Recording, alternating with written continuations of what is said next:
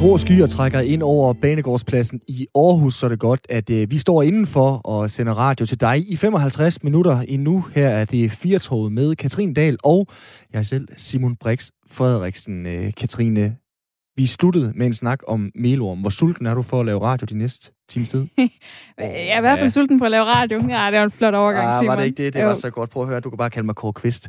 øhm, vi skal i den her time snakke... Øh, nu er det jo World Heritage Day, fandt vi ud af. Ja.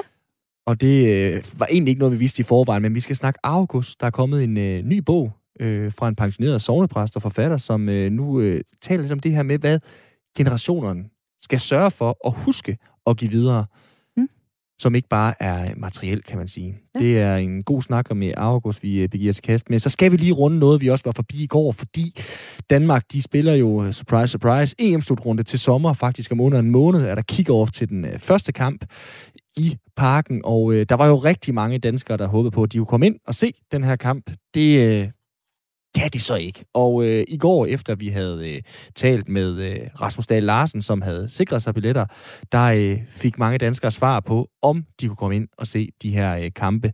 Vi runder Rasmus lidt senere i den her time, hvor vi også skal tale noget om øh, tro og noget så gammelt som Bibelen, som til synligheden har et svar på noget så nyt som MeToo.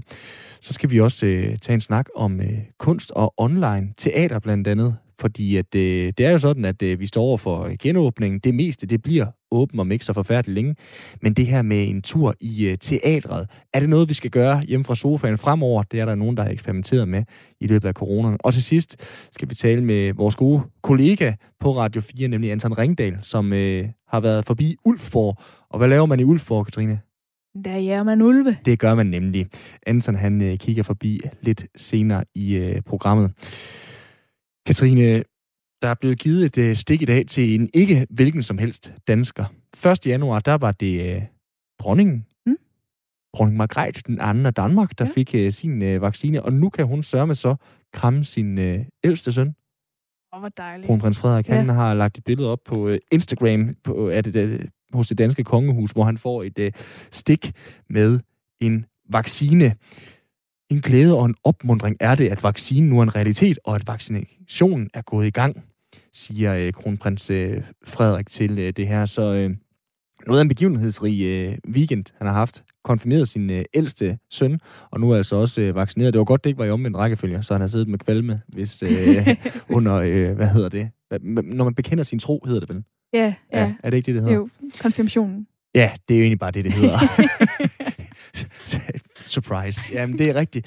Jamen, øh, Katrine, jeg tænker, der er ingen grund til at tale mere om øh, kronprins øh, Frederik, fordi han er så godt i gang. Vi er også godt i gang med øh, Firtoget. Velkommen indenfor. Simon, synes du, at øh, de ældre generationer har lært dig om deres erfaringer og livsindsigter?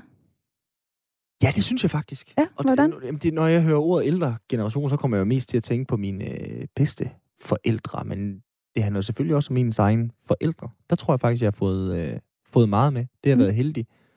Og så prøver jeg også at tænke på at dyrke de der gamle historier, de har måske. Jeg ved ikke, hvor meget jeg tænker om, jeg kan spejle mig i det, og, og har fået det med som en decideret grundværdi. Nej. Har du tænkt over det? Jamen, altså, jeg har jo oplevet til familiefester, at øh, min mor jo lige pludselig får en god idé, og så siger, at nu skal alle gå rundt og spørge en, der er ældre end en selv, om de ikke kan give en en godt råd. Og så er det jo så ligesom øh, samtalen til den familiefest, der at man Nej. skal rundt og snakke med de ældre, eller i hvert fald dem, der er ældre end en selv, om hvad de kan fortælle en. Jo jo, så min, øh, min mormor kommer og fortalt, at øh, man skulle aldrig lade solen gå ned over ens vrede. Altså man skulle ikke gå vred i seng. Det er virkelig godt sagt, og det er da sindssygt godt tænkt af din mor. Ja. Vi skal værne om de ældre, fordi de har selvfølgelig rigtig meget øh, livserfaring. Hvad, min mor, hvad siger hun? Man skal aldrig bruge den sidste 10 øre af en krone. det er sådan lige det, jeg kan huske lige her nu. Jeg synes måske, at din den er bedre. Ja. Jeg, havde, jeg har en meget, meget øh, from tante, som jeg jo så også øh, gik over og spurgte, og, øh, og hun, øh, hun sagde bare, fuck nyhederne. den, okay. den havde jeg virkelig ikke regnet med. Nej, okay. Nej, hun synes, det kan være lidt for deprimerende. Men det er også det er fair nok. Det, var, det råd har jeg taget med mig i hvert fald. Hvad gør den ældste til sådan et selskab? Hvem skal han, hun spørge? Jamen, hun har jo, øh, eller han har glæden af at give råd hele dagen. Ja. Okay. Og så må personen jo øh, finde på et nyt råd hver gang, eller give det samme hver gang. Det må give noget selvtillid. Ja. Sådan at bare blive ved med bare at dele ud, hvis man er den ældste til en, bare stiller en øh, forsamling. Sådan næster. ja. Men i hvert fald, vores, øh, vores næste gæst har skrevet en bog, hvor han kritiserer sin egen generation for at have forsømt at lære et langt livs opsparede erfaringer og indsigter videre. Og han spørger nemlig, har vi virkelig ikke noget arvegods, som de unge bør arve efter os? Velkommen til dig, Preben Kok.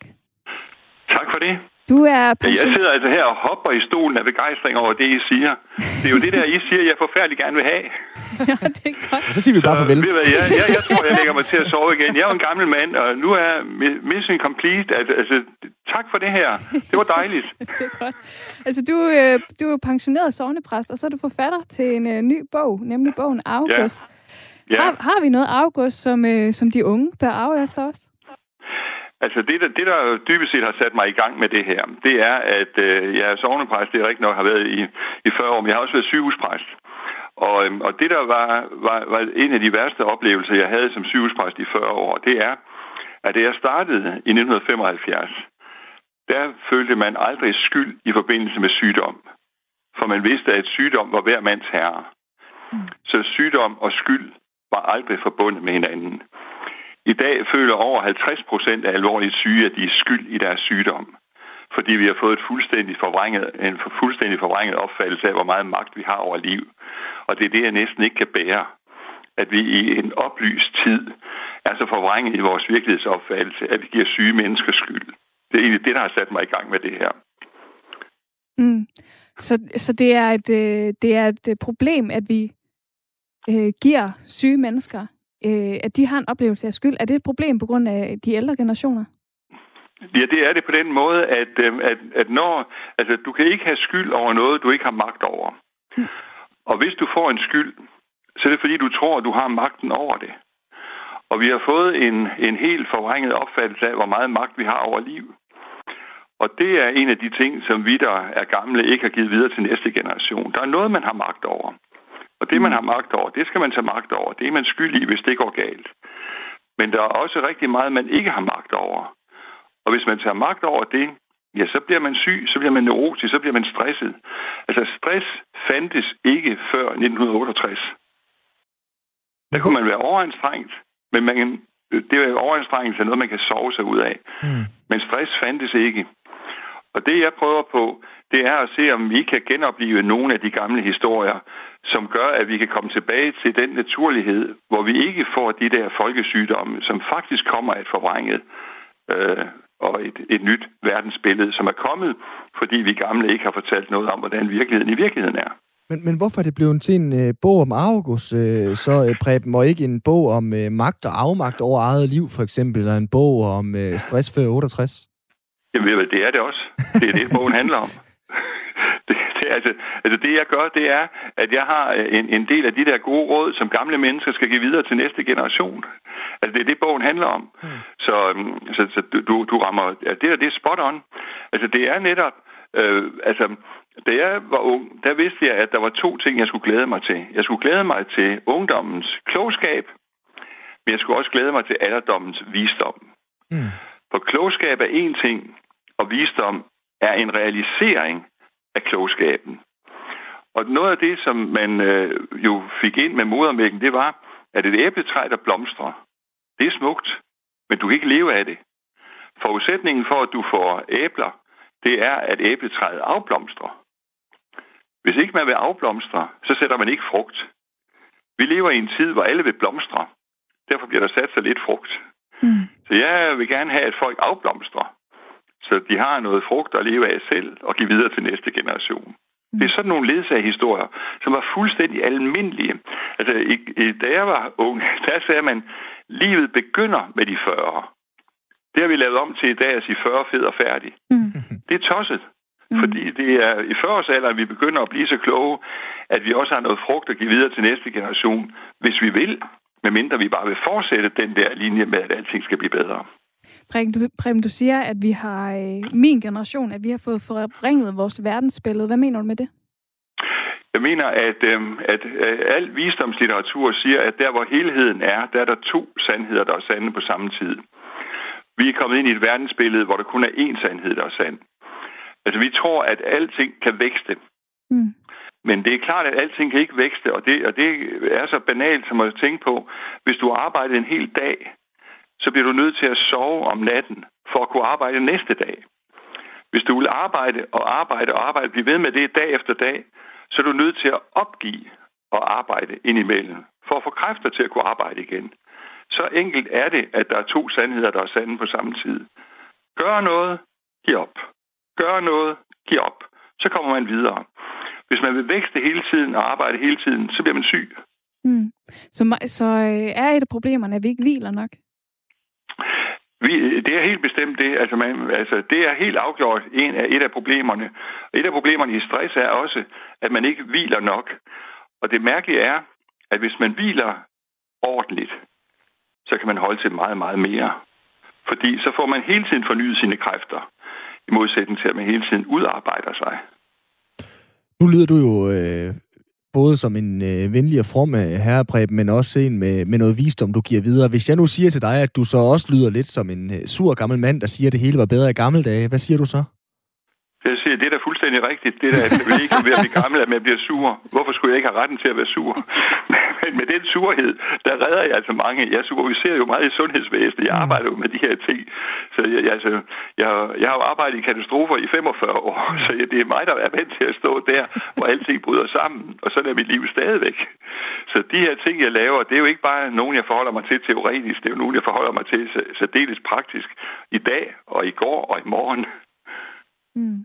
Men er der så noget, vi kan øh, tage positivt med fra den tid, vi lever i nu, i forhold til, uh, i forhold til at hvad skal man sige, skue fremad og komme videre ind uh, og selv give noget videre til næste generation? Jamen altså, jeg, jeg, jeg synes, at der er uendelig meget godt i vores tid. Det er egentlig nogle meget få ting, jeg gerne vil have med fra fortiden, som gør, at man, man, at man bruger alt det, vi har fået fat på nu, altså bruger alle de ting, som er så utrolig gode nu, men også får sovet ind imellem. altså, at man ved, at, at forudsætningen for at komme videre, det er altså, at man giver op. Altså, hvorfor har man restepladser ved, ved motorveje? Det er fordi, hvis du kører fra København, hvor du formentlig sidder, og til Rom øh, i et stræk, så er der store chancer for, at du når frem så forvirret, at du kører ind i den første lygtepæl, du møder. Derfor så er der restepladser undervejs. Og hvad sker der på en resteplads? Ja, der opgiver man at komme videre for at samle kræfter til at komme videre. Jeg, jeg påpeger restepladserne. Jeg, op, jeg, jeg påpeger de steder, hvor man giver op i liv mm. for at få kræfter til at komme mm. videre. Men det hedder jo det sidste hvilested, og det hedder, øh, man kan sove, når man bliver gammel. Øh, er der ikke noget om det? Jo, det er rigtigt nok, men hvis man venter med at sove, til man bliver gammel, så bliver man det ikke. Hvilke Nå. ting vil du gerne have med, udover at vi bliver bedre til at hvile? Altså, hvilke ting for din generation vil du gerne have, at vi bliver bedre til? Altså, jeg vil, jeg vil gerne have, at, at, vi, at, at vi er klar over, for eksempel, at, at der, hvor helheden er, der er der altid to sandheder, der er sande på samme tid. Og nu ved jeg godt, at det gælder ikke for jer, og det gælder heller ikke for lytterne. Men prøv at se, om jeres naboer ikke alle sammen har lavet et ægteskab, hvor man har giftet sig med en, der ikke forstår noget som helst af noget som helst. og, og hvis nu det er sådan, at alle naboer har en ægtefælle, der ikke forstår noget som helst af noget som helst, så kan man jo overveje, om det i virkeligheden er fordi, det er to sandheder, der gifter sig med hinanden. Det sagde man i gamle dage, at det var. Mm. Og i stedet for at gøre det til et problem, så kan man jo gøre det til en dynamik, for eksempel. Du er 73, Preben. Hvad har øh, dine egne forældres generation givet dig? Jamen, øh, ja, ja, altså det, jeg giver videre nu, det er faktisk noget, som alle vidste indtil ungdomsoprøret 1968. Det, der sker i 68, det er, at, at den grænsesættende lidenskab, altså den, der siger, der er grænser for, hvad man kan, den forsvinder. Og den er så været ude af billedet faktisk fra 68 og indtil finanskrisen i 2008. Og meget af det, der stadigvæk øh, eksisterer, det, det har vi lavet i den der periode fra 68 til 2008. Men det er ved at komme tilbage igen. Og de, og de lærte mig for eksempel, de tid og livets træ bliver grønt, må frosten det en kue. De tid, og hvad du drømte skønt, du skal i sandhed skue.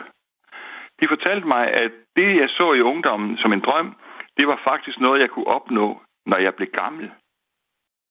Mm.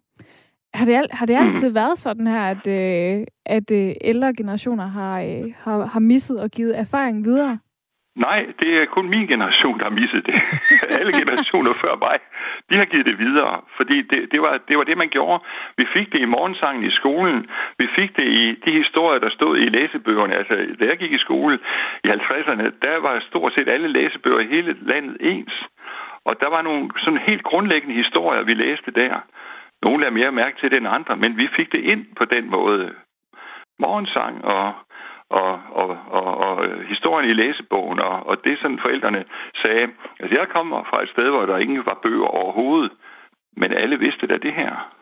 Men hvor er det så, at din generation er gået galt i byen hen?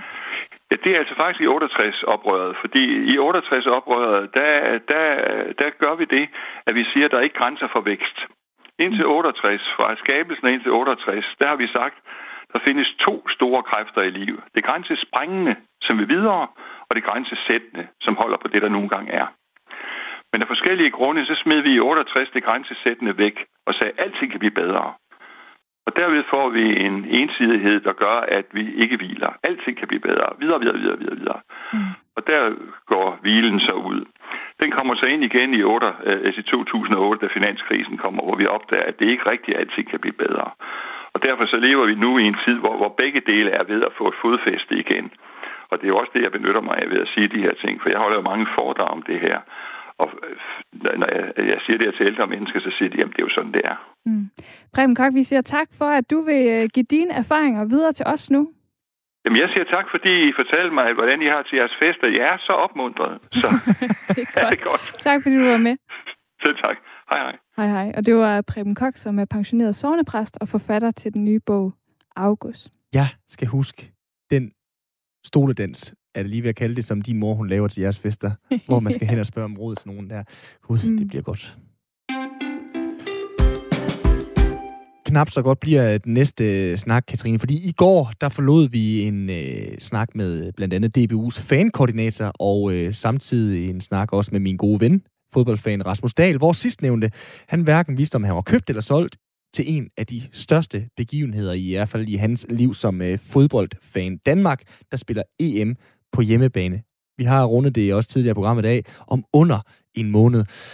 Rasmus, vi havde knap slukket øh, telefonerne i går, før at øh, du fik at vide, øh, om du var købt eller solgt. Hvad er du så? Købt eller solgt? Jeg er desværre solgt øh, af de triste omstændigheder, desværre. Og hvordan fik du det at vide? Øh, jamen, jeg har som sådan ikke fået en officiel mail fra UEFA endnu, men øh, du kan så gå ind på øh, UEFA's billetportal, øh, som jeg måske har opdateret 100 gange øh, her de sidste øh, tre dage. Øh, og så ud for mine billetter står der så, at øh, de vil blive refunderet. Øh, det startede egentlig med, at det først var Rusland-billetterne, øh, og så en time senere tækkede så ind, at det også skal øh, vores billetter til Finland-kampen. Og hvor afklaret er du med det? Det er jeg ikke særlig afklaret med.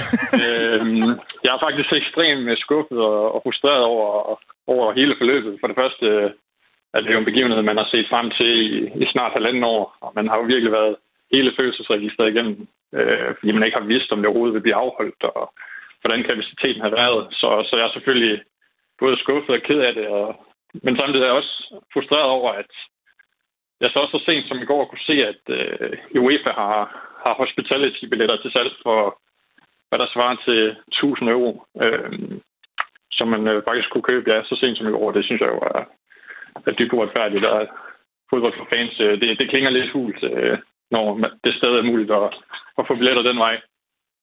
Du skrev til mig i går, at den følelse, du havde, det egentlig bare var, øh, var tomhed. Har du sådan kunne samle stumperne af dig selv op og talt med, med nogle af de andre, som du skulle afsted med, eller hvordan har du øh, grebet det andet de sidste ja, 24 timer nærmest? Det er svært at, at sætte ord på, synes jeg. Den her tomhed, den er stadig i, i kroppen, fordi det er jo bare sådan en, øh, en begivenhed, man måske kun oplever en gang i, i sin livstid. Og, og så se det blive taget, øh, taget fra en så tæt på målstregen, øh, det har jeg desværre ikke øh, kunnet være bare et helt endnu. Øh, så, så jeg er ikke, øh, jeg er ikke øh, kommet helt over det, for at, at være helt ærlig. Håbet, det er øh, lysegrønt, Rasmus. Er der noget som helst, du kan klynge dig til? Bare et lysegrønt græsstrå over hovedet, om at du kan komme over til EM? Det eneste mulighed, jeg ser det lige nu, er, at øh, ja, kapaciteten bliver forøget, og at vi får fuld kapacitet igen. Øhm, og så klynger jeg mig til et lille håb. Øh, min ven Steffen øh, har, er stadig med i kampen om øh, to billetter til, øh, til Belgien. Øh, det er dog ikke helt afklaret endnu, øh, men øh, jeg krydser fingre, for, for det har godt nok været en, øh, en hård omgang at, at få de her to kampe frataget. Men to billetter til muligvis Belgien-kampen, ja. altså bliver det ikke en gladiatorkamp blandt dig og kammeraterne om at få plads øh, ved siden af Steffen, eller hvad fanden gør I? Øh, nu øh, håber jeg jo i og med, at det var mig, der vandt øh, de øh, to gange fire billetter til Finland og Rusland. Øh, at der så er lidt goodwill den anden vej, at, fordi jeg ligesom øh, lovede ham billet. Så, så jeg, jeg krydser fingre for, at øh, jeg står først på listen. Noget for noget. Ja, lige præcis. Om, om ikke andet, så har du da i hvert fald i uh, landstækkende radio nu uh, sagt, at han skylder dig i hvert fald et eller andet, uh, Rasmus. ja, så uh, må jeg hænge ham op på den. Tusind tak, fordi du var med her. Selv tak. Altså, øh, min kammerat Rasmus Dahl Larsen, som jeg ved, er uendelig skuffet over, at han ikke øh, skal til EM, og det har han altså fået at vide her under en måned inden øh, første kamp, selvom han har siddet i kø og knoklet en vis længst ud af bukserne for at komme afsted, og bare har drømt om det her. Det er mærkeligt. Ja, det er surt. Ja, det er virkelig øh, surt. Det kan være, at han, som I, vi rundet i første time, skal til København til et storskærmsarrangement, og så kan øh, forstyrre øh, Søren Rud og de andre over i øh, Nørrekvarteret over. Mm. Nå, Katrine, nu skal vi til at runde en af verdens øh, største bestseller, og det er ikke Harry Potter. Bibelen, den har nemlig givet tro, håb og svar til millioner af mennesker i øh, tidens løb, men at den også har svaret til noget så moderne som hashtag MeToo og ligestilling mellem kønnene, det forbavser mig alligevel på en eller anden måde. Er mm. du forbavset over det? Nej, det er jeg ikke. Nej, det er du ikke? Nej, men jeg, jeg er jo også selv et, øh, et kristen menneske. Ja. Jeg, sidder, jeg sidder faktisk øh, menighedsråd i min lokale kirke. Ja. Sådan. Ja, ja, så, øh, så det er ikke noget, der er nyt for mig. Så du kunne sagtens finde på over for mig at øh, holde Bibelen op og sige, det her svar, det kan du lige så godt finde i den her bog, som ved at gå på nettet. Altså, jeg har indtryk af, at Jesus han er kæmpe feminist. Det øh, kan vi jo så passende prøve af med vores øh, næste gæst, nemlig Charlotte Rørt, der har kigget nærmere på det at være kvinde, med hvad der der er følger af fødsler, abort, voldtægt, altså MeToo. Du har skrevet en ny bog, øh, Charlotte. Velkommen til. Tak skal du have. Og tillykke med bogen. Tak skal du have. MeToo nu også, øh, Charlotte. Er Bibelen egentlig bare sådan en øh, encyklopædi med svaret på alt? Nej, det er den jo ikke, men øh, den handler jo om faktisk alt det, som mennesker kan komme igennem. Og mennesker, det er jo sådan set både mænd og kvinder. Øhm, og det her med MeToo, du sagde, det var sådan en moderne ting. Ah, det er det desværre ikke. det, øh, det vil være sådan at sige, at voldtægt er et nyt fænomen, og overgreb er et nyt fænomen. Så selvfølgelig er der øh, masser af hente i Bibelen øh, om det her, men Bibelen er jo ikke en, øh, en bog med facit. Mm. Bibelen er jo en bog med fortællinger, som tvinger en til at tænke sig om. Så... Og jeg er helt enig med din medvært i det, hun lige sagde. At Jesus er feminist? Jep, og jeg skriver det også. Øhm, feminist betyder jo sådan set bare, at man vil have samme rettigheder på alle måder mm. for kvinder som for mænd. Altså, det er jo definitionen på en feminist, så, så Jesus kan jo ikke være andet. Altså. Men så er jeg jo også feminist. Jamen, det vil jeg da håbe. Altså, hvad er det ved Jesus og hans øh, menneskesyn, der sådan kan hjælpe i, øh, i vores tid? Jamen, det er faktisk hans menneskesyn, der kan hjælpe, fordi han insisterer på, øh, at kvinder er lige så meget mennesker, som mænd er. Altså, han insisterer på at tale med alle på samme respektfulde måde. Og hvis man sådan lige prøver at tænke over det og sige, for 2000 år siden gik han altså rundt og sagde, og det står i Bibelen, altså jeg vil ikke diskutere om, hvad der præcis er sket. Det er sådan set ikke så interessant. Mm. Det, der er så interessant, det er, at det står i den her bog, som er blevet viderebragt så mange gange. Og den her bog er skrevet af mænd og redigeret af mænd. Så der står nok ikke mere om feminisme, eller mere med et feministisk islet, end, end han faktisk gik rundt og sagde. Det må man, det må man ligesom tro på, og mm. den censur har der nok ligget ind over. Men han går rundt og taler øh, direkte og lige til til både mænd og kvinder. Altså han er fuldstændig fløjtende, bedøvende, hammerende ligeglad med, om det er mænd eller kvinder, han taler til. Eller om det er skøre, eller toller, eller hvad det er. Han taler lige til alle. Alle er mennesker. Det er hans menneskesyn. Altså det er enormt enkelt.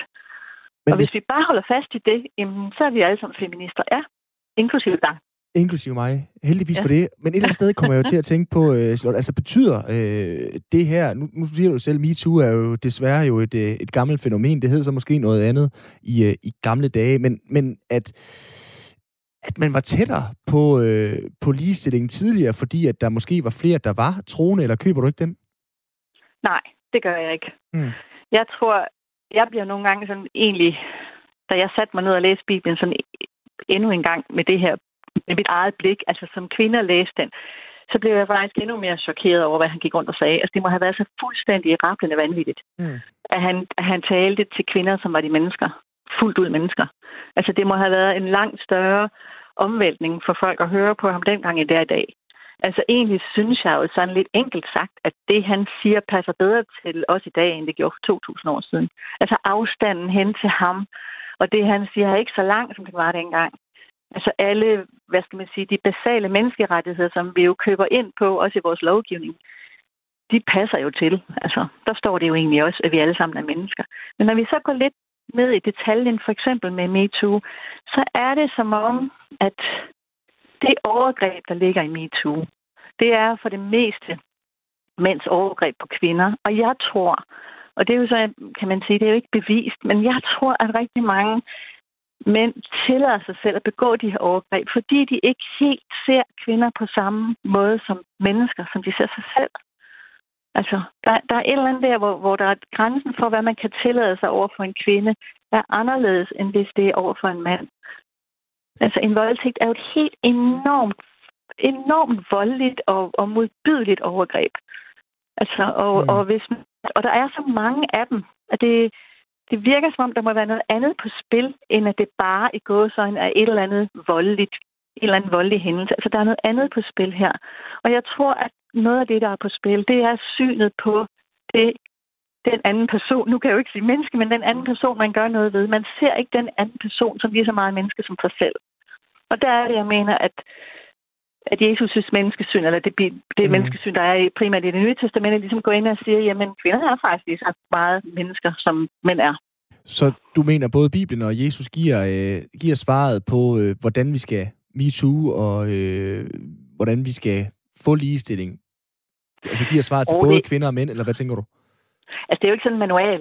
Nej. Men, men, Nej. men øh, det ville jo være dejligt, hvis jeg kunne sige, slå op i et eller andet evangelium, og så lige få løs, for, løsning på alt det her. Mm. Altså, sådan er det jo selvfølgelig ikke, og det er jo slet ikke sådan, Bibelen er. er. Altså, Bibelen er jo ikke en bog, der kommer med løsninger. Altså, det er jo en bog, der tvinger ind til at tænke sig om og sige, jamen, hvordan vil det være for mig i dag, hvis jeg nu skal tænke over det her, som der står i Bibelen, at Jesus har sagt. Og så skal man tænke det ind i det liv, man har nu og her. Og der synes jeg, der ligger noget meget klart og entydigt i det, i det menneskesyn, som Jesus har. Det er primært i evangelierne, og så er det senere i de, i de breve, som der bliver skrevet mm. ud fra, hvad han har gået og sagt. Der, der ligger det her meget enkle menneskesyn, at alle er mennesker. Hvis man virkelig holder fast i det, for eksempel, så er der jo nogle ting, som virker endnu mere voldsomme omkring overgreb, end de egentlig gør i dag. Altså, jeg, mm. jeg tror, mange af os selv, selv vi kvinder tænker, Ah, at nu er jeg selv, som jeg også beskriver også i bogen, var udsat for en voldtægt, og min første reaktion som 16-årig var jo, ah, jeg var nok selv ud om det. Ah, det var nok synd for ham, ikke? Altså, og var det nu også så slemt? Og jeg tænker, det er først nu, som, altså, det er jo mange, mange år siden det her, det er først nu, jeg tænker, altså, det er da helt vanvittigt, at man som 16-årig pige overhovedet kan komme i tanke om, at man selv er ude om det. Det ville man jo aldrig synes, hvis det var, at man fik et par på lampen, vel? Mm. Altså. Charlotte, man, når man kigger rundt i det danske kirkelandskab, har der jo mm. de sidste par år været mange øh, sager i kirken, hvor at der har været øh, MeToo-sager eller seksuelle overgreb osv. Og, og det er jo, det er jo øh, ofte præster, som jo har læst Bibelen og kender Jesus. Ja. Hvordan kan det lade sig gøre? Det kan det jo, fordi at der jo for os alle sammen er en afstand mellem, øh, mellem det, vi synes og det, vi Altså, og øh, præster, dels er præster jo de eneste kristne i verden, og dels er præster jo ikke nødvendigvis øh, bedre mennesker end alle vi andre. Det, der er så smertefuldt, når det er præster og lærere og læger og pædagoger, der begår de her overgreb, det er, at de er i en tillidsrelation til mennesker. Så det er jo faktisk dobbelt smertefuldt, når det, er, når det er dem, der begår de her overgreb. Det er altid smertefuldt, men det er dobbelt, når det er en, nogen, der har er i en tillidsstilling. Ikke? Men der er jo også, altså, kirken er jo en organisation, hvis man ser det som, som på den måde. Men, men man kan også sige, at være kirke, det er, at alle kristne er med i at være kirke. Man kan bruge ordet på flere måder, men når du siger kirken som sådan, så mener du altså dem, der er ansat i for eksempel folkekirken, altså dem, der er ansat i den katolske kirke. Mm. Og de er jo også bare mennesker. Mm. Mm. Altså, men, det, men det er frygteligt. Altså, det er, der ualmindeligt. altså, det er altid forfærdeligt. Mm. Men det er klart, det bliver voldsommere, når det er øh, at det er mennesker, som er i en tillidsstilling, og mennesker, som står fra en Mm. prædikestol eller kateter, eller hvor det nu er, og, øh, og siger nogle ting, som vi alle sammen egentlig gerne vil, vil tro på er rigtige. Ikke? Mm. Har, du, har du selv kunne bruge Bibelen og Jesus' øh, menneskesyn konkret i en MeToo-situation? Ja, det har jeg jo nu, for det er jo det, jeg gør med bogen. Det er jo egentlig... Øh, det er jo først efter, at øh, jeg havde jo nogle meget voldsomme spirituelle oplevelser, som fuldstændig vanvittigt væltende ind over mig, hvor Jesus blandt andet stod foran mig og talte med mig. Og, øh, og jeg var jo ikke sådan aktiv troende inden. Jeg har altid været sådan medlem af Folkekirken, kulturkristen, som, som rigtig mange i Danmark bekender sig til. Ikke? Men, men det, er jo, det er jo det, at Jesus kiggede på mig, som om jeg var menneske, og ikke kvinde først, som var sådan et chok for mig. Øhm, for jeg havde aldrig tænkt på, at mennesker ikke så på mig som menneske. Så først i det øjeblik, der er en, der kigger på mig og ser mig primært som menneske, og ikke først som kvinde, så går det op for mig. Hov, jeg bliver altid set på som kvinde. Og så er næste tanke jo, hov, når man kigger på en mand, ser, ser, vil mænd have oplevet det samme? Vil de også have tænkt, hov, jeg bliver set på som mand? Eller jeg bliver set på som menneske? Vil de også tænke sådan? Det tror jeg ikke. Så jeg tror, det her blik, som vi har på hinanden, det bliver meget farvet af det køn, vi har. Vi afkoder det lynhurtigt.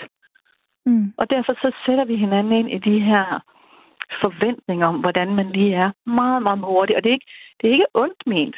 Det tror jeg ikke. Men, men først når vi taler om, at det her mønster går i gang så hurtigt, kan vi jo få øje på det. Mm. Og det er der, hvor, hvor jeg får egentlig først så præcist øje på det, fordi Jesus i det syn viser sit menneskesyn, sit blik på, at alle er mennesker, uanset om man er mand eller kvinde. Mm. Så er man menneske først. Bogen hedder Med rang ryg. Er det, er det også Ja. svaret? Det er i hvert fald mit, det er i hvert fald øh, konsekvensen, kan man sige, for mig, at øh, hov, jamen, jeg kan godt, øh, jeg kan godt ranke ryggen. Der er ikke nogen grund til, at jeg skal øh, føle, at jeg er mindre menneske end en mand. Det er jeg ikke. Jeg kan sagtens ranke ryggen og være, og være glad for at være kvinde og være, øh, være tilpas i det og være stolt af det. Jeg er lige så meget menneske, som mænd er. Selvom at jeg har været udsat for nogle voldsomme ting i mit liv, som også godt kunne knække mig, og som jeg også nogle gange gør det selvfølgelig. Men, øh, men jeg må godt være her. Mm. Øh, og det er jo et stort skridt. Charlotte Rør, tak fordi du var med her. Selv tak. Og held og lykke med bogen. Tak skal du have. Det var altså Charlotte Rørt, journalist og forfatter til øh, op til flere bøger, der faktisk har sat samtalerne i gang om tro. Vi har øh, tidligere på året snakket med Aalborg Teater, Teater som lavede øh, deres første online forestilling Nemlig. på grund af corona.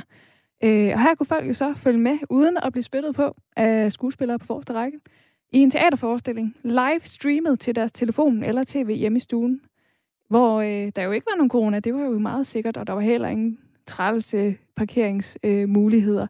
Øh, øhm, men er det her det nye? Er det en det ny det. måde at gøre det på? Mulighed for, muligheden for et langt større publikum er der i hvert fald. Men kan man få den samme autentiske oplevelse ved at gøre teaterforestillingen online? Det øh, er i hvert fald påstanden fra, fra- de arrangører i Aalborg, der bragte øh, bang hjem i stuen. Men nu er vi jo tættere på normalen, eller hvad? Bliver øh, kunsten derfor digital fremover, eller vil vi fortsætte med at møde op i teateret?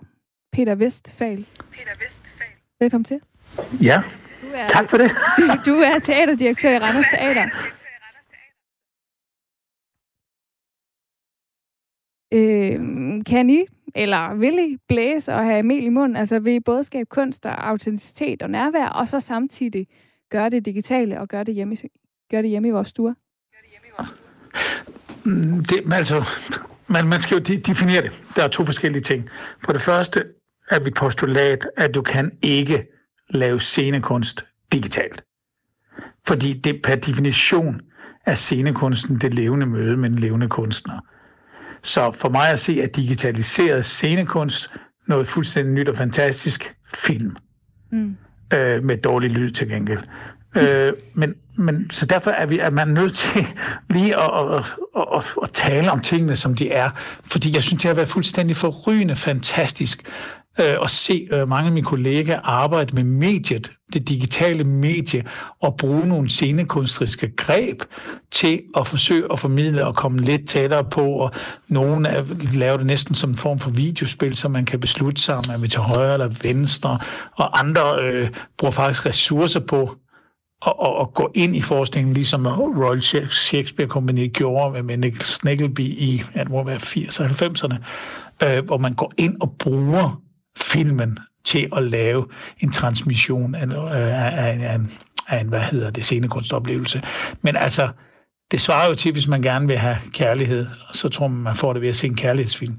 Altså, det, det, det mødet, det nuet, det der ikke kan gentages, som for mig at se er kunsten, og det kan du kun skabe i et rum øh, med publikum og levende kunstnere. Mm. Så synes du, at øh, kunsten bør digitaliseres?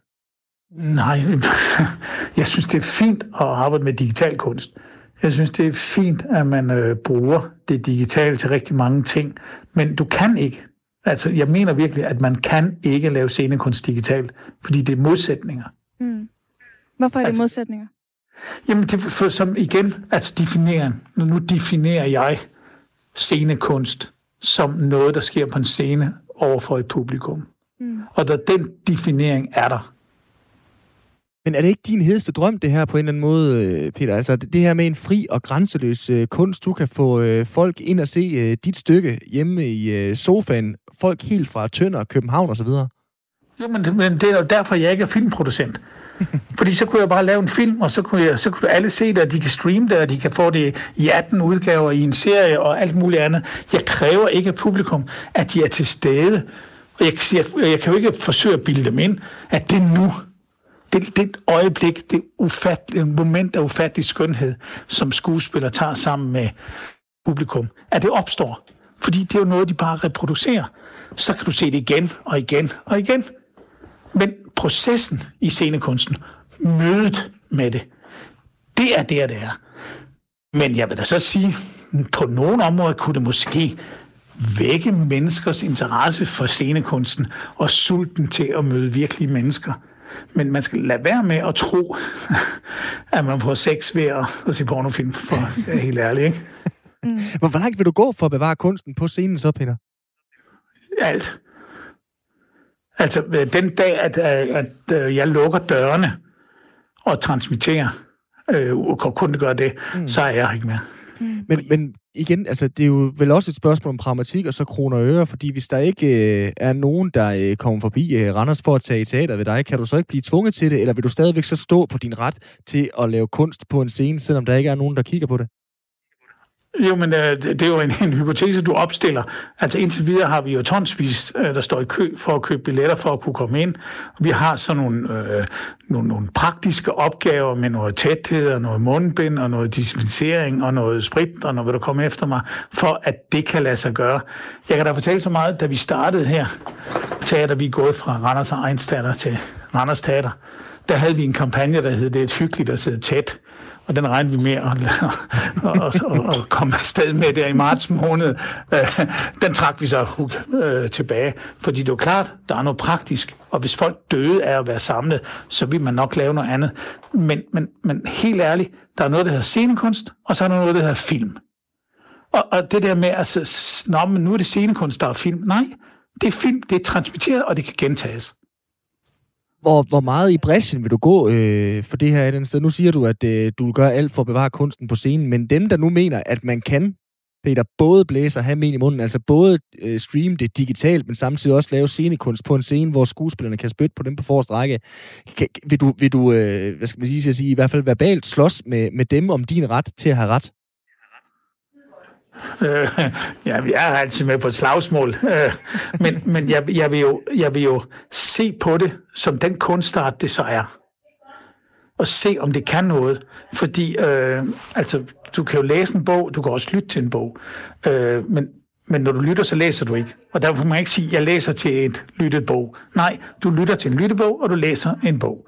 Så det er to forskellige ting. Men hvis man siger, øh, at nu skal du læse en bog, og du så lytter til den, så er det jo ikke korrekt. Og det, det er ganske simpelthen bare det, vi taler om. Mm. Fordi jeg har set øh, nogle transmissioner af nogle teaterforskning, hvor jeg synes var fuldstændig forrygende. Altså, det var skide godt lavet teknisk. Og, altså nu for eksempel Folketeaters ordet med, med Mogi, hvor de arbejdede med at lave det mere nærværende, mere tilstedeværende og alt sådan nogle ting. Det synes jeg var meget, meget interessant. Men det er ikke scenekunst. Mm. Det er en digitaliseret måde at arbejde med film på. Til gengæld har de ikke så lang prøvetid på at lave det. Mm. Er det en tredje kunstart så, vi har fat i næsten?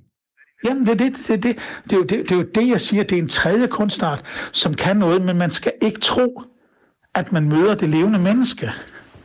Du møder en gentagelse, du møder en reproduktion. Du møder det igen og igen, og du kan se det og du kan gå ud efter kaffe, fordi så kan du svole tilbage og sådan ting. Scenekunst definerer, men det kræver noget af publikum.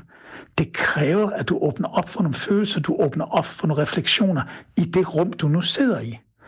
Og det rum kan du lave på tusindvis af måder. Jeg tror mig, jeg ser et par hundrede forestillinger om året. Øh, og det er alt fra at gå rundt i fabrikshaller, hvor der sker noget, til små, mærkelige rum. Jeg har skulle da sågar set en forestilling i en telefonboks en gang. Det var lidt, det var lidt crowded, ikke? men, men øh, øh, at så kan du lave det der møde, fordi det, som betyder noget for mig, og tror jeg for mange publikummer, det er, det her, det kommer aldrig til at ske igen. Mm. Og hvis du skal definere scenekunst, når jeg laver noget, så er det væk. Så snart vi har pakket vores forskning ned, det er væk. Bøgerne kan du læse igen, musikken kan du høre på plade, billedkunst kan du se på museet, men scenekunsten bliver gemt i hjertet. Mm. Og Peter, derfor siger jeg, det er en hjertekunst. Peter, det, coronaen har jo været med til at øh, sætte en udvikling i gang på mange områder af vores samfund, og har jo også været med til at gøre, at man har lavet teater på nye måder. Altså, hvordan, hvordan får coronaen lov til at gå ind og, øh, og ændre på den måde, I laver teater på? Øh, for eksempel, at øh, vi har spillet for, i stedet for at spille for 80-100 mennesker, det er vores maksimum, så har vi spillet for en klasse, så har vi kun spillet for 20. Vores spædbørnsforskning har vi spillet for en dagplejet mor ad gangen, og det var tre unger og hende, vi spillede for. Mm i det møde. Det har vi haft ressourcer, og vi har haft en kommune, der har bakket op omkring, at vi skulle fortsætte med at spille, så vi har lavet de der læringsrum, ikke? Øh, til at gøre det. Så vi har holdt fast i det møde. Vi har også lavet noget på nettet, som I sikkert har set, hvor vi har vist rundt på teateret, og nu, nej, nu er der tomt her, og så har der været en eller anden, ikke en trold, men en eller anden, der har fortalt et eventyr øh, på det her medie. Øh, og det har været fint, og det har været sødt, og vi har fået mange likes og mange ting. Men øh, jeg har så kan man kalde mig en sur gammel grå mand, øh, men, men jeg har holdt fast i, at, øh, at vi har blevet ved med at producere vores forestillinger, og nu skal vi så øh, til at genopsætte dem, nu skal vi til at spille dem, og, og det glæder vi os meget til. Det må være dejligt at glæde sig til at lave hjertekunst. Tusind tak, fordi du var med her, Peter Vestfald. Det var så let. Altså teaterdirektør på øh, Randers Teater her i øh, Firtoget, hvor vi tog øh, diskussionen med Peter om, hvorvidt kunsten den bør digitaliseres her i kølvandet på corona. Ulven kommer. Den var øh, faktisk allerede øh, kommet, men øh, lige nu, der forsvinder ulvene i Danmark øh, stille og roligt. I hvert fald, der er mindst ni ulve forsvundet siden 2012, og et øh, nyt studie fra Aarhus Universitet peger nu på, at det må være mennesker, som har haft en øh, aftrækkerfinger med i øh, spillet.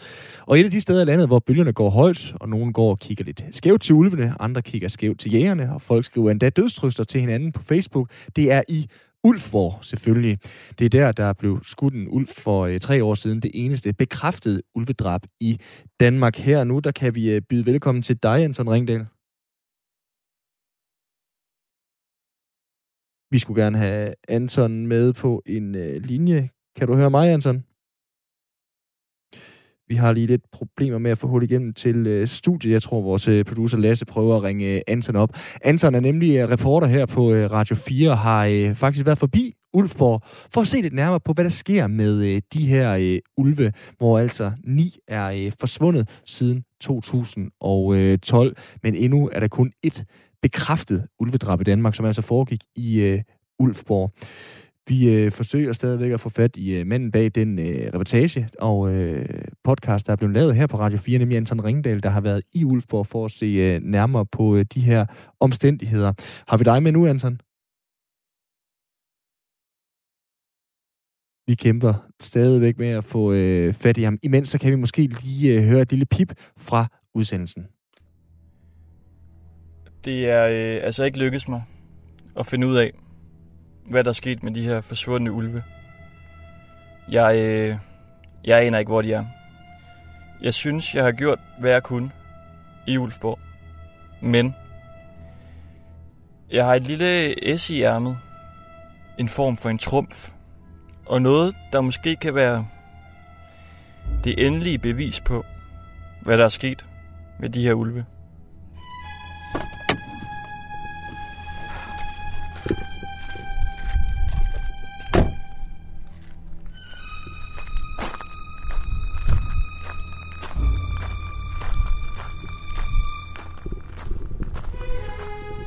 Hej så.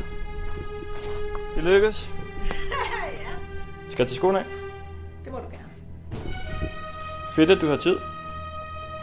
Ja, det var sådan, det skulle være. Må jeg sætte mig her ved siden af dig? Det må Så kan jeg få lidt bedre lyd på dig.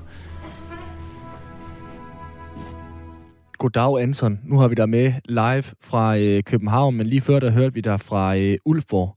Kan du ikke starte med at fortælle, Anton Ringdal, hvad er det for et sted? Oh, kan, kan I høre mig nu? Det kan vi nu. Perfekt. Jamen, hvad, hvad Ulfborg er for et sted? Det er jo, øh, det er jo en lille by, altså et klanområde, fik jeg at vide. Det var, da jeg var dernede. Og det er ligesom en by med, med rigtig mange forskellige typer, der er meget, meget engageret i den her ulve-debat her. Der er dem, der elsker ulven, og så er der dem, der, der ikke ligefrem er store fans af, af ulven. Og det fylder altså meget, den her ulve-debat, når man går rundt i området og, og taler med folk. Hvorfor er det en vigtig debat? Jamen, det er jo en vigtig debat for øh, dem, der ikke kan lide ulven. De mener ligesom, at den hører ikke til i Danmark, den øh, dræber deres får, den øh, skræmmer dem. Og dem, der godt kan lide ulven, de går ligesom ind i den her debat, fordi at, altså, de mener, at det på en eller anden måde repræsenterer noget større end ulven. Det er ligesom mennesket mod naturen, og de, øh, de er jo så på naturens side. Var det nemt at få folk til at tale med dig i Ulfborg? Nej, altså jeg vil sige, at research-delen var nok ligesom den sværeste del af at lave det her program her. Jeg har talt med så mange mennesker, som simpelthen ikke ønsker at være med, fordi de er bange for, at de øh, kan blive troet, eller ja, at der kan ske noget, fordi det her samfund, det er så småt, og de går op og ned af hinanden. Så derfor så øh, passer de virkelig på med ligesom at sige, hvad de egentlig mener om ulven, eller hvad de måske tror, de ved om ulven. Altså troet af andre i samfundet, eller øh, udefrakommende? Ja, det er jo lidt en blanding. Altså mange af de øh, trusler, der kører lige nu, er over Facebook.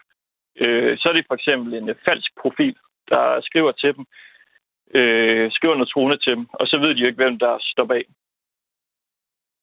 Og hvordan har det så været som journalist at komme ind i øh, det øh, hamsterhjul, og skulle øh, have folk til at tale både øh, for den ene og for den anden side af, af sagen? Fordi øh, nogle gange så kan vi journalister jo godt få skudt i skoene, at det er noget tjøvenhavneri, når vi kommer forbi og skal snakke med, med jyder, som øh, lever deres liv, og i det her tilfælde i Ulfborg. Jamen, altså... Prøv lige, hvad var det spørgsmål? Var det? Jamen, det, hvor- hvordan, det var, så- altså, hvordan så de på dig som journalist, der lige pludselig kom ind Nå, og så skulle mig, ind og- jamen, jeg synes faktisk, de, de tog helt vildt godt imod mig. Øh, Mm. Også dem, der havde ulven. Jeg var meget i tvivl, om de ville tale med mig. Men de var, de var meget, meget venlige, fordi de synes jo ligesom også, at de fortjente at blive hørt. Og at deres side af sagen fortjente at komme ud. Øhm, så de var egentlig rigtig venlige, jeg var der. Nu skal du selvfølgelig ikke afsløre det hele, øh, Anson, men, men er du blevet klogere på, hvad der reelt er sket med ulvene? Altså, man kan sige, I spillede jo et lille pip før, som jeg sendte til jer. Mm. øh, som jo er en lille teaser for næste afsnit. Og altså, jeg tror, jeg kommer det så nært, som jeg overhovedet kan komme, hvad Mm. der ligesom er, er sket med de her ulve her. Og det er jo et emne, som øh, vi også har været inde på, der ikke kun fylder i øh, Ulfborg, men øh, noget, hvor snakken går i hele landet. Skal ulven være her, eller er det okay at tage affære, når man står ansigt til ansigt med et, øh, med et fredet dyr, men af den ene eller den grund ikke er tryg ved det her dyr? Altså, hvad betød det for de her mennesker, at de rent faktisk blev hørt, at du kom forbi med en øh, mikrofon og tog snakken med dem? Jamen, øh, det betød jo meget for dem, for dem, der, der turde at være med og, øh, og snakke. Øhm, og jeg tror, altså især for dem, der ikke kunne lide ulven, tror jeg, det betød meget også at blive hørt, at de ligesom kunne forklare, hvorfor de ikke synes, ulven hører til i Danmark.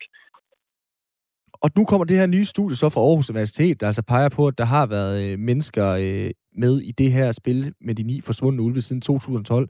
Hvad tror du, det gør ved sådan en by som, øh, som Ulfborg, der nu er kommet den nyhed frem? Jamen, man kan sige, det kan jo være, at det bekræfter nogle af de forskellige rygter og teorier, som, øh, som florerer i byen. Øhm, vi har forskeren på i vores morgenprogram i morgen, mm. og skal ligesom spørge ham om, er det her altså en endelig konklusion, at de bliver slået ihjel? Eller er det et kvalificeret gæt? Jeg, jeg tror ikke på, at det ligesom bliver et sidste punktum. Jeg tror stadig, der vil være mange, der siger, at, øh, at de ikke bliver dræbt. Tusind tak, fordi du var med her, Anton. Ja, selv tak. Altså, Anton, Anton Ringdal fra øh, Radio 4, der havde været øh, forbi Ulfborg og altså stod bag Ulve-mysteriet. Lige om snart, øh, Katrine, der er vi ved at være øh, færdige for øh, i dag med øh, Firtoget. Vi har, øh, hvad en tro, været vidt omkring. Hvad skal du se i aften i fjernsynet? Jeg skal se Melodi Grand Prix. Det skal du. Ja, det skal jeg. Og bare lige for at opklare for mig. Danmark er jo ikke med i aften. Nej, det er først på torsdag. Det er først på torsdag. Ja. Så hvad skal, hvem skal du se i aften? Jamen, det er jo alle de andre lande. Altså, der er jo, øh, der er jo 40 lande med i år. Og, øh, 40? ja, og så i aften er der 16 lande, hvor de 10 af dem så går videre. Okay. Ja. Og det er jo, øh, altså, det er jo vores nabolande, der er med mm. i aften. Det er Norge og Sverige, øh, som jo øh, som altid, det skal op med klassiske pophits. Man kan godt blive lidt, altså når man ser Melodi Grand Prix, man kan godt blive lidt træt af Sverige, fordi de har altid det, det mest fantastiske Ja. pophit med. Men det er jo ikke det, Melodi Grand Prix, eller sådan, det er jo ikke kun det, Melodi Grand Prix mm. handler om. Det handler jo også om øh, de gode kostymer og, og prøve, øh, prøve nogle andre genrer. Og så kommer skide Sverige og bare er så ultra perfekt altid. det bliver lidt irriterende. Jeg skulle, jeg skulle lige så sige, burde de ikke næsten, sådan, ud fra sådan et musikfagligt synspunkt, øh, Katrine, vinde hvert år Sverige? Altså, de har det gode popnummer, så kommer der noget øh, fra øh, Finland, hvor de er klædt ud som øh, monstre lordi, og lige pludselig vinder øh, det hele, eller en, øh, en næsten pukkelrykket unge herre fra øh, Portugal, der øh, synger på sit originalsprog. Altså, det, det, det er jo stadig, er det ikke en mærkelig ting at, at sidde og se på en eller anden måde? jo, det er det. Og det er jo, det er jo også det, der er jo, der er jo også kommet en film her sidste år, som handler om Melodi Grand Prix, hvor de jo også tager alt det absurde op, som jo er en del af det, altså de, de vilde sceneshow, som du også nævner. Men jeg tror altså det, at, at det samler jo Mm. Europa, at man får lov til at se øh, andre nationer. Du får lov til at øh, se folk fra Azerbaijan, eller, mm. Eller Georgien, eller øh, San Marino, som jo er det mindste, en af de mindste lande Ja. i, i, øh, i Europa. Og så få lov til at høre, hvordan de laver musik. Og det samler Europa. Så er der jo noget med, at Australien har vel også været med på et tidspunkt også der, men nu øh, Australien er det den anden vej over et kæmpe stort hav, det tager. Ja, ja. Vi har, øh, det er blevet en eksportvare nu. Ja. USA skal lave det næste år. De har, øh, de har søgt patent, eller de har fået, i hvert fald fået lov til at lave en udgave af det. Så der er det de 50 stater, der skal dyste. Så det er jo Hawaii, Ohio, Kalifornien, Okay. som skal gøre det. Og jeg synes jo, jeg synes jo et eller andet sted, det er virkelig fint, fordi det, hvis det er noget, der gør, mm. så er det jo at samle. Og, øh, og især i USA kan man i hvert fald sige, der har været lidt nogle, nogle fadaser derovre. Der har været lidt nogle, der har været noget polarisering og noget Trump og noget Biden og alt det der. Så der er det godt at få sådan et sangprogram, der kan, der kan samle nationen. Jeg er spændt på, om North Carolina de giver øh, 12 point til Hawaii, for eksempel. Det, øh, det er spændende. Her nu, der øh, har jeg givet 12 point til øh, dig i hvert fald, Katrine, for at være min øh, kære øh, medvært i dag. Mit navn, det er Simon Brix Frederiksen, og øh, Firtoget, det er tilbage igen i morgen her på øh, Radio 4. Det er vi, når klokken den bliver 15.05. Indtil da må du simpelthen bare have det godt. Du lytter til Specialklassen.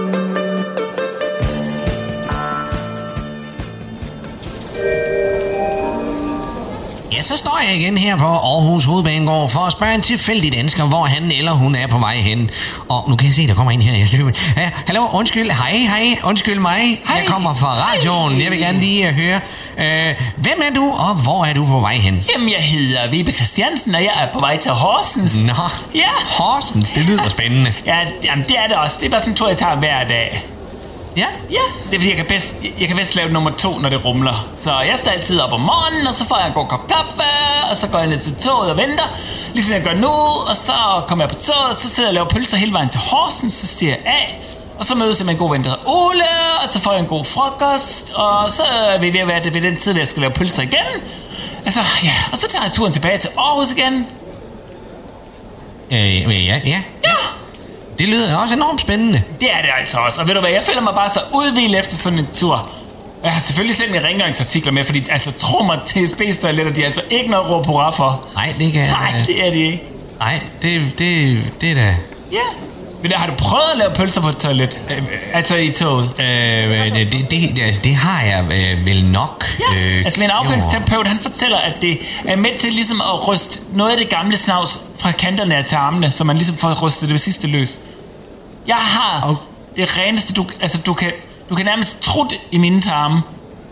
Så rene er de. Uh, tak skal du have. Hov, oh, nu går mit tog snart. thank you